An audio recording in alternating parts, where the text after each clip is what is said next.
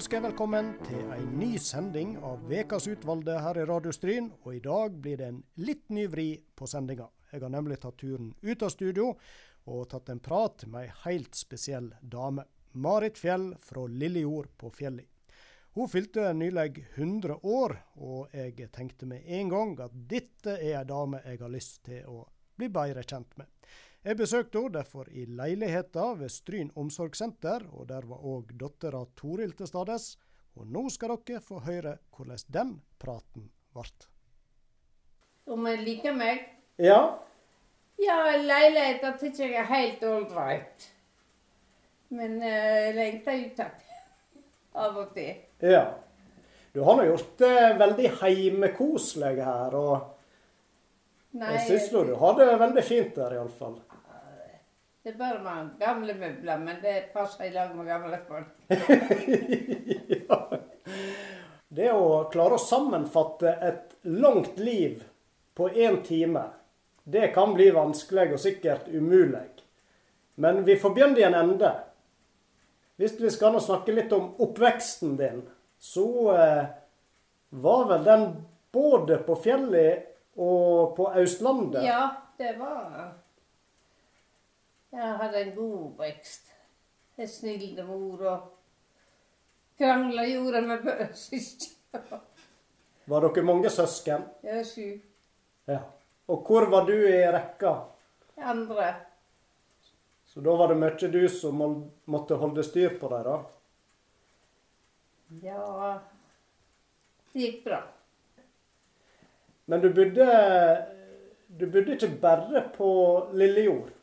Nei, da jeg hadde gått ett år i skole, så hadde far kjøpt gard østafor, så da flyttet vi der til. Det var i 1930. Ja, da var du blitt åtte år gammel. og Hvordan var det å flytte Ja, det var forferdelig, for jeg forsto ikke hva de sa engang eh, i skole, og ikke forsto de meg. Jeg snakket nynorsk, vet du, og de snakket bokmål.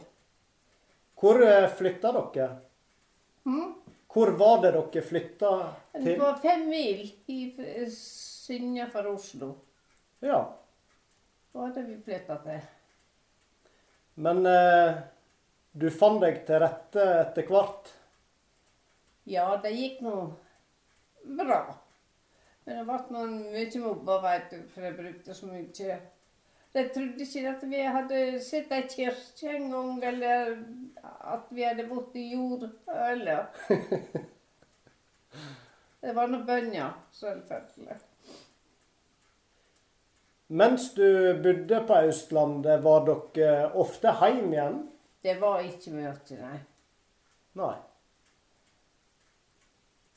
Det var ikke ofte, nei. En har ikke råd til å reise noe særlig heller. Var vi så opptatt da vi var at Ja. Mye å gjøre. Hva gikk dagene med til? Husker du det? Ja, det var til å å hjelpe til med alt, både inne og ute. Var det en stor gard? Ja, han var 120 mål, Ja. så han var ganske bra. Han var stor imot det vi var vant til, iallfall. Ja da, men så kom krigen, og det var en trist tid. Da var du 18 år, du, da? Ja, skal vi se Den brøt ut i 40. Ja. Det husker du godt. Åh, ja. Jeg satt inn i fjeset og melka morgenen. Og så begynte hele fjeset å skjelve og riste. Og jeg trodde fjesen som holdt på å ramle i hop, for han far hadde sagt han ville ta å bygge nye fjes. Og når jeg kom ut, så var det svart oppover et bombefly. Som dro videre innover til Oslo. Det var bare fem mil fra Oslo til Oslo. Og der hører du smellene av bombene og gløgene. Ja. Du vet, vi hadde verken fjernsyn eller radio eller Radio hadde jo vært kanskje til å begynne med, men så ble det innsamla. Så dere visste ikke så mye hva som skjedde, da? Vi visste ingenting før Jon, broren min, han hadde vært på meieriet med melkene. Og da kommer han og forteller det at det er krig. Det var alt du visste. Det var ikke annet om at det var. Var, var dere forberedt på det? Det Nei, det hadde ikke hatt en anelse om at det skulle bli noe krig. Ikke at vi, som sagt, verken radio eller, eller fjernsyn. Nei. Hvor- Hvordan endra livet seg da, for dere? Nei, jeg ble så redd. Så den som vi hadde til deg, han ble utkalt i, i krigen og skulle være der. Men ingen bombinger, det var forferdelig å høre på. Så da var det redsel egentlig daglig? Oi, ja, det var redsel nest, ja, i fem år. Ja. Så, så dere mye til tyskerne der dere bodde, eller var det mer på avstand? Tyskere, det var tyskere nesten i tunet hver eneste kveld. For at veien ned til naboer, den gikk gjennom tunet vårt. Og vi hadde utedo, og det lå på den ene siden av veien, og så våningshuset på Hill. Og når vi måtte på do kveldene på løfta, der traff det på en tysker og en nazist. Oi. For å spionere og skulle se om at det var blenda skikkelig. Ja. Så dere følte dere overvåka hele tida? Jeg skjønner det at det, det var noe dette som var så nøye med å blende. Det skulle ikke komme en lysstråle ut. Ikke hadde vi lov å bruke lommelykt eller noe. Ja. Så plutselig sto du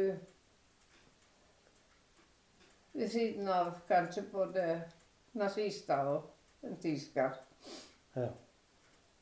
Klarte en å få hverdagen til å gå sånn noenlunde nå? vet, det var så mye å gjøre. For han far han måtte fra hjemme at jeg skulle hjelpe henne kontant ned på doktorene. Og eh, foreldrene sine.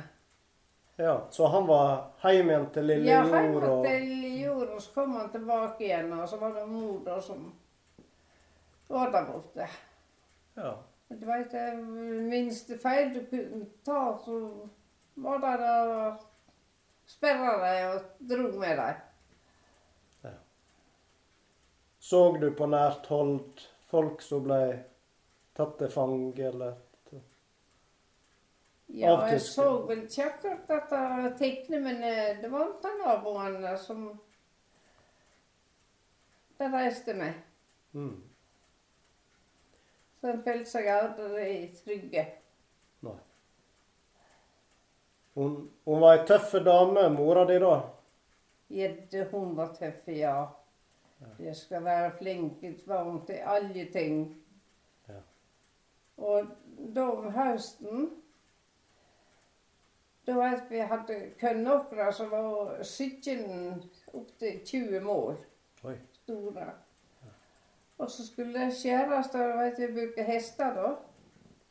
Det var ikke noe skurtresker, da? Ja, så var det, var det mange som kom og ba om, om å få ta opp jobbene. Bare for hvis de kunne få mat. Å ja. For men Merce ville ikke det levere. Nei. Du vet, vi hadde kort. Så vi måtte klippe merkevis. At det, Oh, yes. ja. Rasjonering. ja, rasjonering. Ja.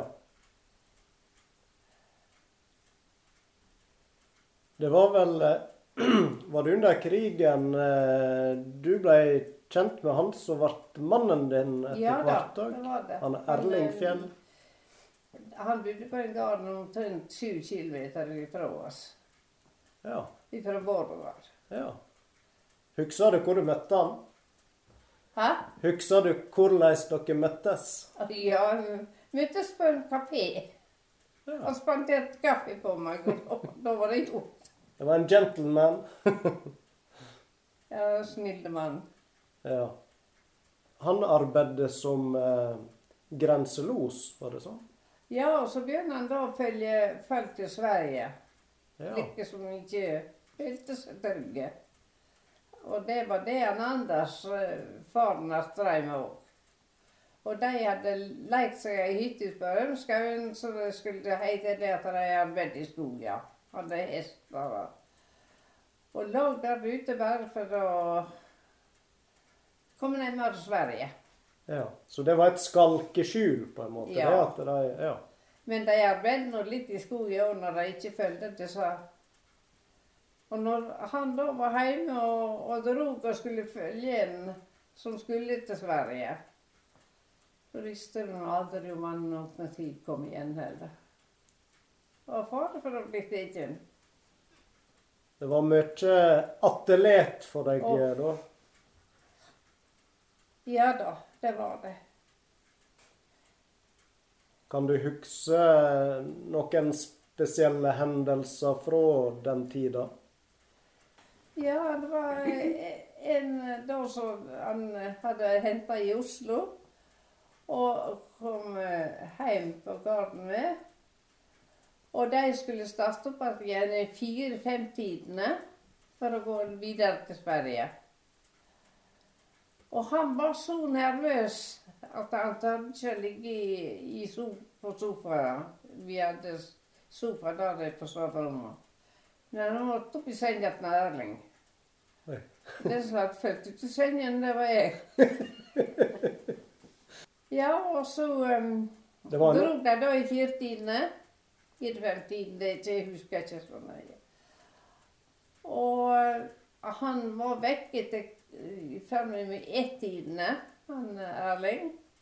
Og da kom han igjen og sårfødt og så Han hadde blitt våt på, våt på føttene.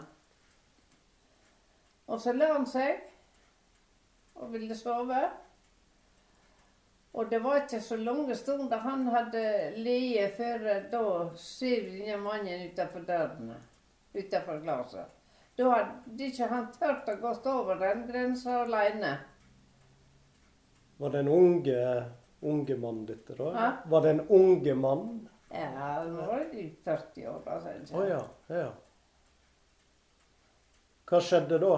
Ja, da skjedde det sånn at det var det faren hans Erling som overtok. Så fulgte han helt inn til grensen igjen.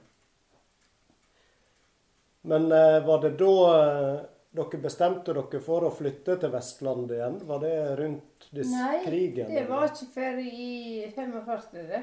Ja. Og da var det skutt en nazist i gjelder troppene til naboer. Og så var vi redde for det at det kunne være en eller faren som fikk skylda for det. Nei, da bestemte vi oss for at For vi hadde fått tilbudet om å reise hjem til Lillejord og hjelpe den beste den beste. ja. Og da bestemte vi oss for å skulle reise, reise hjem, så han kunne være trygg. Og vi reiste fra Vesteren gård i eh, en mandag i åttetidene. ja. Og det, da gikk eh, bilen og toget på som generatorsnott Ja. hele tida. ja. Så vi var så svarte som feiere. og så hadde han ærlig en, en, far ordna det sånn at han Johan uh, Nygaard, han broren av Karolina Fjellvang, han var i, i Bergen. Og så hadde han far ordna det sånn at eh, han skulle møtes i Bergen, for det var ikke vi fansen ikke kjente. Nei. Og farlig var det òg. Og veldig godt imottatt. Og han hadde løfta far det at han skulle følge høsten etter båten. Og så følte han Johan hans om bord i båten, og han hadde ordna det sånn at de fikk en liten lugard alene. Og når vi var der om bord, så fikk vi beskjed om det at båten kunne ikke gå ut. Ja, jeg hadde gått et lite stykke ut før de fikk los om bord. Og det gikk en hel helt døgn. Oi. Vi lå der og venta på å komme av gårde. Ja. Kan du huske om dere var bekymra på reisa? Følte dere at eh, Ja, Nærling gikk bare ute og inn, ut og inn. over- Han var nervøs og ja, Båsen, han gikk nå i alle kroker og krev, veit du. Ja. ja. Og veit du, vi kom til Blakset lørdag i titidene. Du husker klokkeslettet òg, du? Ja, det husker jeg. Ja. For jeg var så spent på når vi kom da. Ja. Så vi var den reisa fra Vestreng og hjem igjen. Det var fra mandagsmorgen og til lørdag igjen. Nei, det var veldig utrygt og fælt. Men, men eh, når du kom fram, klarte dere å slappe av litt mer da, eller følte Jeg har ikke sett så glad mann som han Erling på land i Blakset. For da følte han seg trygg. For han far hadde fortalt så mye om at det ikke var verken vei eller biler eller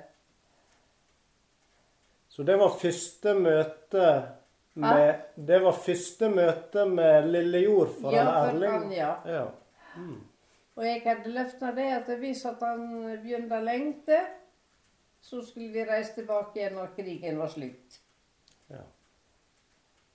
Men den som lengta, det var jeg og ikke han.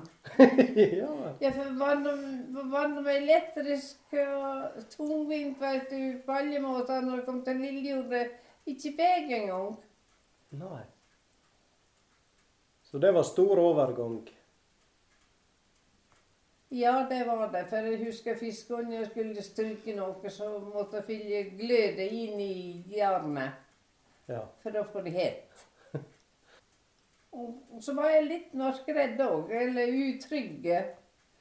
Så dette med å gå i fjøset om kveldene, og så hadde vi bare ei dårlig flaggermuslykt. Og den måtte stå i glasa i, i fjøsa. Det var ikke råd å flytte den, for å slo hun ned. Og da bodde dere på gården i lag med dine best... Mine beste og beste. Ja. Nei, da siden vi kom til Lillejord, hadde vi det så godt ja. Så da fant dere roen igjen? Ja, jeg hadde, jeg hadde ikke fått Erling derifra. Nei. Men jeg har prøvd på det.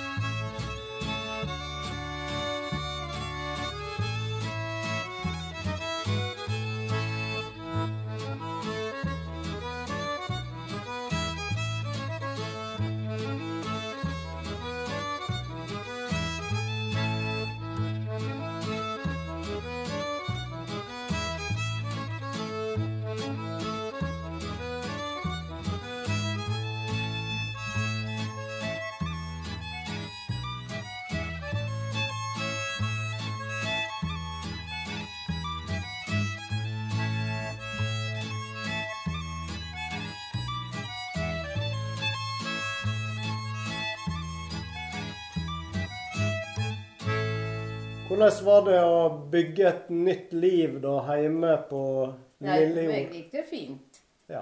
På den måten at det var vant med fjøs og stille. Ja. Og så hadde den beste og det beste til å rådføre meg med. Det var godt å ha det, sikkert. Ja, det var så tålmodige, gode mennesker. Det skal en jammen det ikke gjette. Ja. Så det var et stort gode. ja. Går det an å si litt mer om, om hvordan det var å flytte fra eh, ja, elektrisitet, som du sier, og til en plass der det mangler veier, og det mangler strøm, og, Det gikk sånn at den Erling følte seg trygge. ja, Og det var da før vi bestemte før vi skulle reise. ja. For han hadde gått så lenge om nervepress at han tølte ikke mer heller. Så for han var det egentlig kjærkomme at Oi, det var ja, avsides. Og, ja. Men du vet, du kan tenke sjøl hvis at en ikke hadde elektrisk hvor tungvint det var. ja. Og da hadde dere Det var kyr og sauer, eller var det Kyr og sauer og kalver og gris og merrer og Ja. Så da var det arbeid fra tidlig til seint, da. Ja. Jeg mener jeg las en plass at du, du brøyta noe med hest òg. Brøyta du med hest òg? Ja da, når Erling var vekke, så måtte jeg pløye. Ja. det første jeg gjorde, det var å selge mer, selvfølgelig, og fikk ned før plogen og pløgde. Og så husker jeg en gang at jeg, jeg hadde nå plyndra litt. Og det hadde ikke gått så fint som det. Og så ble det så lenge før Vesten fikk seg mat. Ja. For eh, han fikk noe mat hver eneste morgen opp til seg.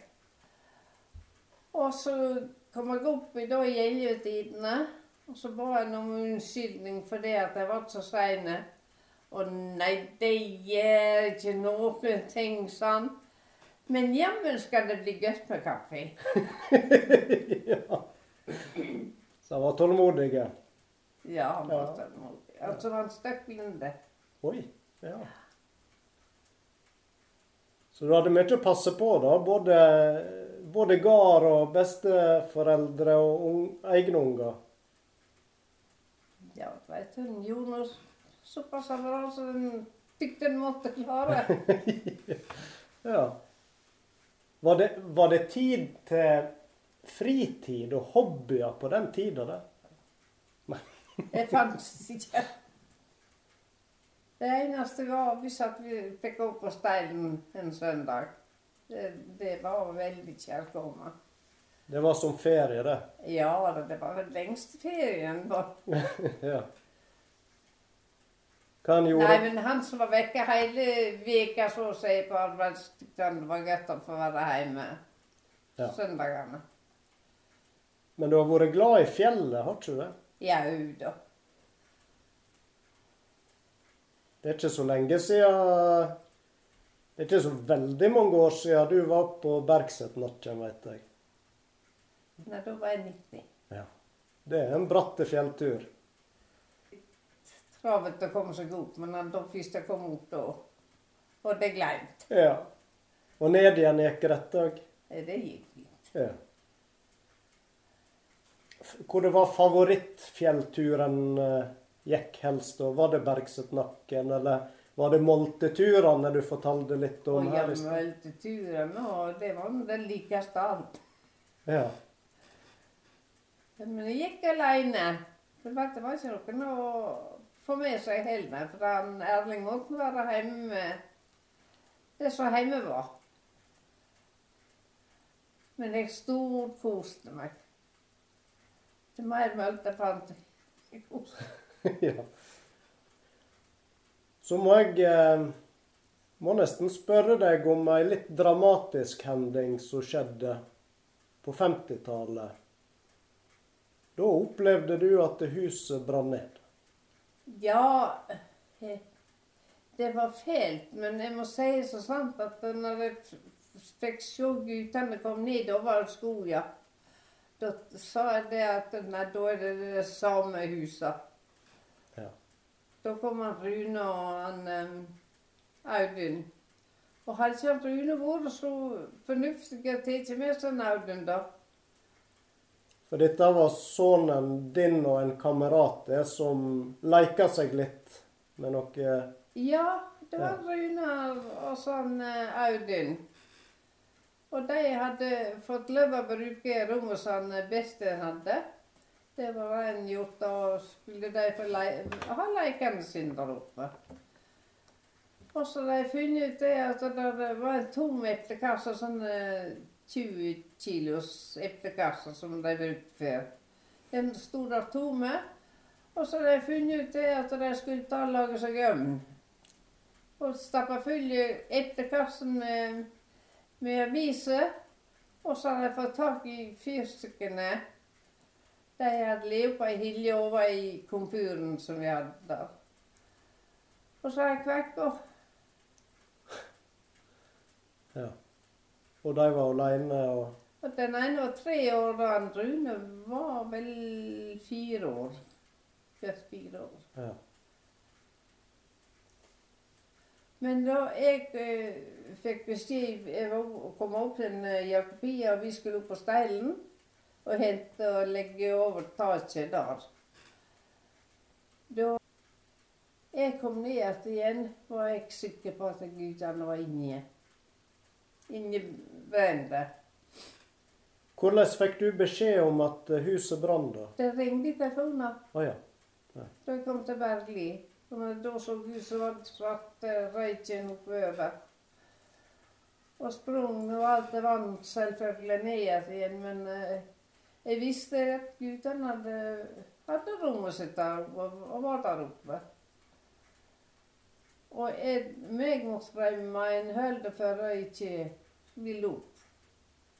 For det brant så mye i antasjen at det var ikke råd å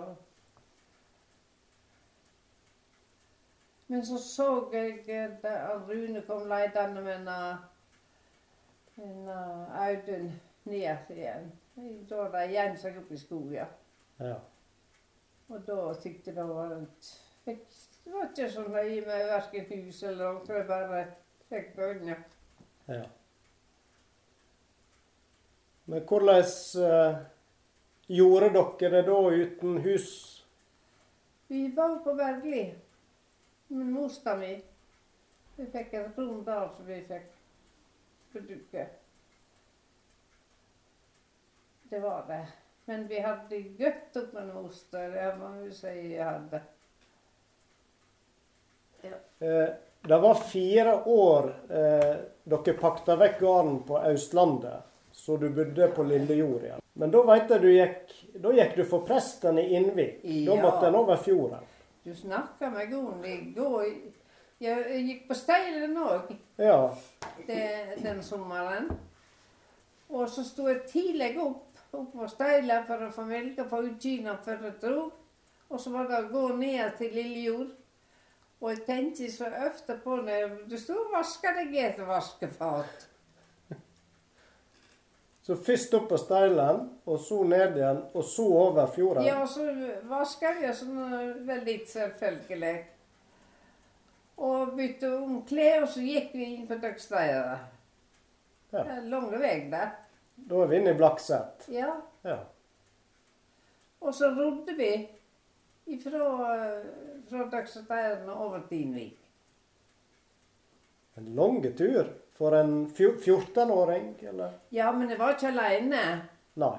Han Per Stensåk og ansatte Jon Solid var og, og så var hun en flokk med jenter. Ja.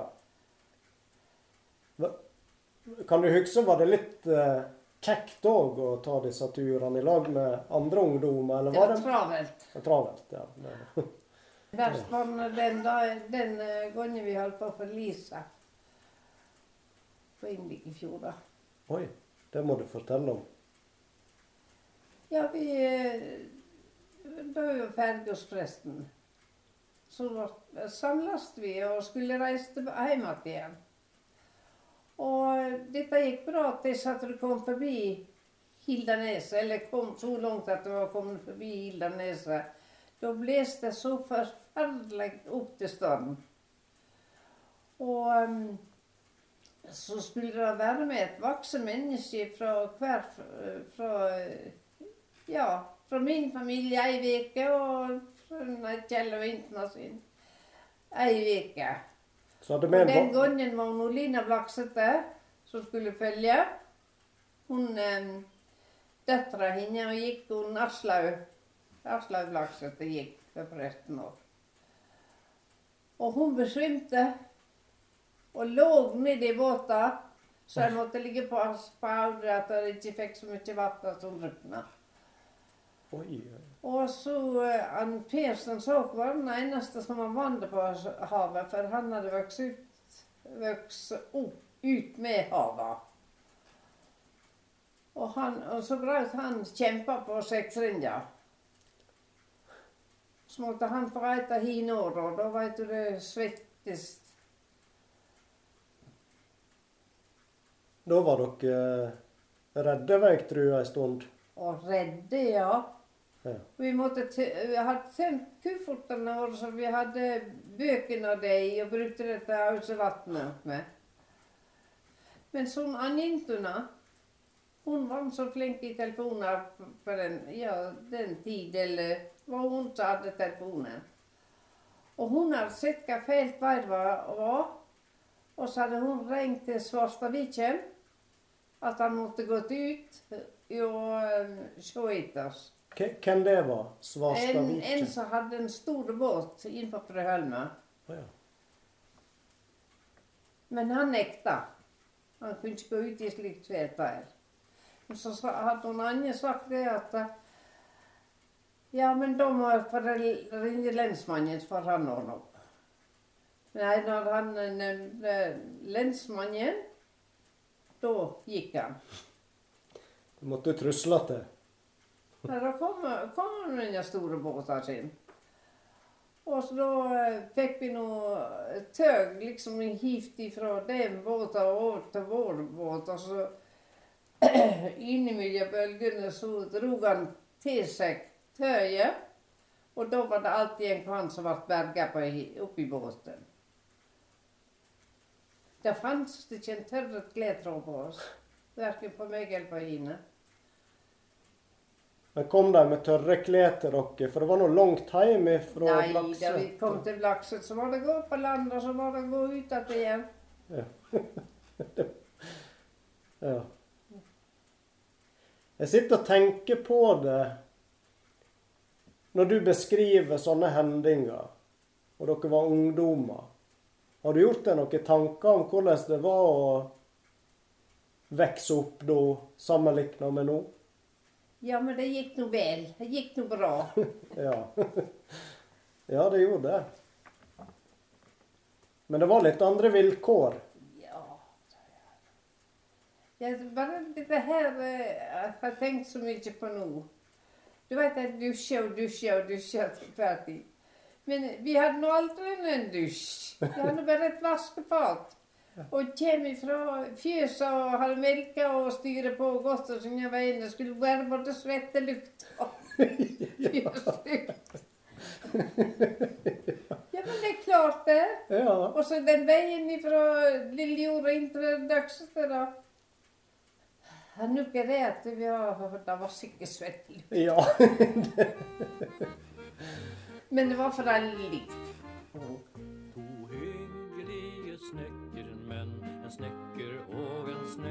Snekkersvenn, har laga denne visa her med både tekst og toner.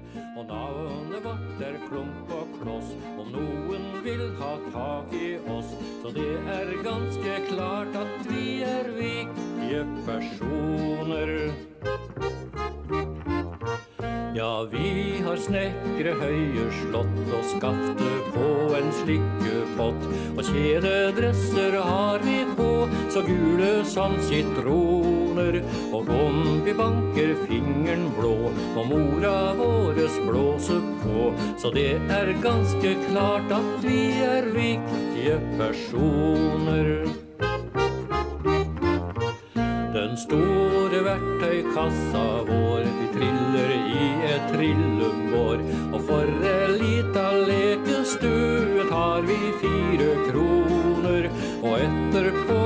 får vi brus i sugerør fra røde Krus. Så det er ganske klart at vi er viktige personer. Nå skal vi laga fuglebur og hus åt Madam Pompadur. Med æresvakt og stor salutt fra 21 kanoner.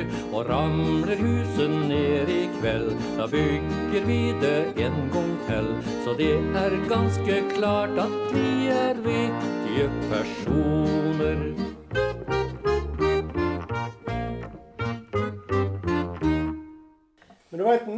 Så er vi jo så opptatt av at vi skal følge drømmene våre. Vi må sjøl realisere oss. Og... Men kan du huske om du hadde noen drømmer i, i dine yngre år? Du liksom så for deg ei framtid. Ble det, det litt sånn du hadde sett det for deg, eller? Ja, da, nå mener du at er drømmer om videre, eller Ja, kanskje du tenkte når du gikk på lille jord i oppveksten at eh, du hadde lyst eh, å bo i byen, eller du skulle reise til utlandet. Ja, men allerede da var jeg begynt å ha lyst til å bli sykepleierske. Å ja. For det var det noen som var syk, eller enten det var dyr eller så, og det var det likeste jeg visste for å stelle med det. ja. Og så gikk jeg til min far og spurte meg om jeg ikke kunne få begynne på sykepleierskolen. Å nei, sa han. Hva skal med det? Og så går og gifter seg, og så er det vekk igjen. Det var skolen jeg fikk. Ja. Det var ikke rom for sånt da. Nei, var veit du. Det skal nok til. Ja. Er det noe du har vært litt bitter for? At du ikke fikk ta deg ei utdanning, eller? Nei, men jeg er ønsket det. Ja. Noen ganger at jeg skulle ha hatt, hatt litt skole.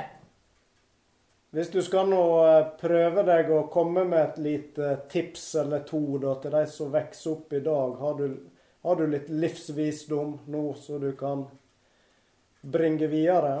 Nei, jeg mener det at når jeg prøver å gjøre så godt jeg kan, så kan de ikke det mer. Og så hjelper det litt at den er litt sta. Ja. Det har hjulpet deg? Oi, ja, mange ganger. Ja. Du vet du, setter du før du skal klare det og klare det og Du virker nå veldig fornøyd. da. Ja, men jeg har hatt det godt. Hatt en veldig snill mann og og Bønje har ikke gjort han litt med. Ja. Ja, men jeg jeg var så snar å heve stemma. Hvis at det, jeg ikke De gjorde akkurat med sånn som jeg ville med en gang. Og så satt han Audun attmed kjøkkenbordet og holdt på med legoklosser. Og så, så sa jeg det til Audun at nå må du gå og hente meg noe ved. Ja, sier han, vet du. Og dette gikk lenge. Ja, lenge, lenge, men Å vente på veden, det kom ikke noe ved. Og så sier jeg, men nå, Audun, må du hente veden, for nå holder det på å slakne ut, vet du. Jeg har ikke elektrisk. Ja, sier han, vet du. Og så sitter han du, ja, så går nå, da. Og så kommer han bort til meg og sier, 'Hvorfor stjenger du mor støtt?' sier han. Og jeg ble så paff. Og så sa han, for far han stjenger aldri, sa han. Og det gjorde han aldri. Han stjente aldri på bønna. Det var bare han så på dem, så var han ligget der. og så sa jeg det da at ja, sa jeg. Når han far ikke stjenger på dere, så de det stjenger for to, jeg, sa jeg. Og ja da, som sa han, nei, og så jeg det henter vi videre. Jeg har levd eh, i vel 40 år, og jeg syns nå veldig mye har forandra seg bare siden jeg vokste opp på 80- og 90-tallet. Hva tenker du som har levd over dobbelt så lenge, og den forandringa som har vært? Hva? Nei, det er ikke liksom noen ting. Ikke engang bygdefølget. Det var at hun gikk mot det bygdefølget omtrent som det var familie alt i hop. Og nå ser du det knapt. Men det er det blitt store skiller på. Dreiv dere med noen fritidsaktiviteter? Var det noe for ungdom da du vokste opp? Altså, jeg Å tenker, var det noe da. dans? Og dans og Og det likte vi godt. Ja. da var det på ungdomshuset, da, eller var det Ja, dansen var steila òg, da. Å ja. Sånn som grastuften. ja. Hvem som spilte eh, sto for musikken da, da? Van Åsmundesen, en dreng som var oppe med Ola Lars. Ja.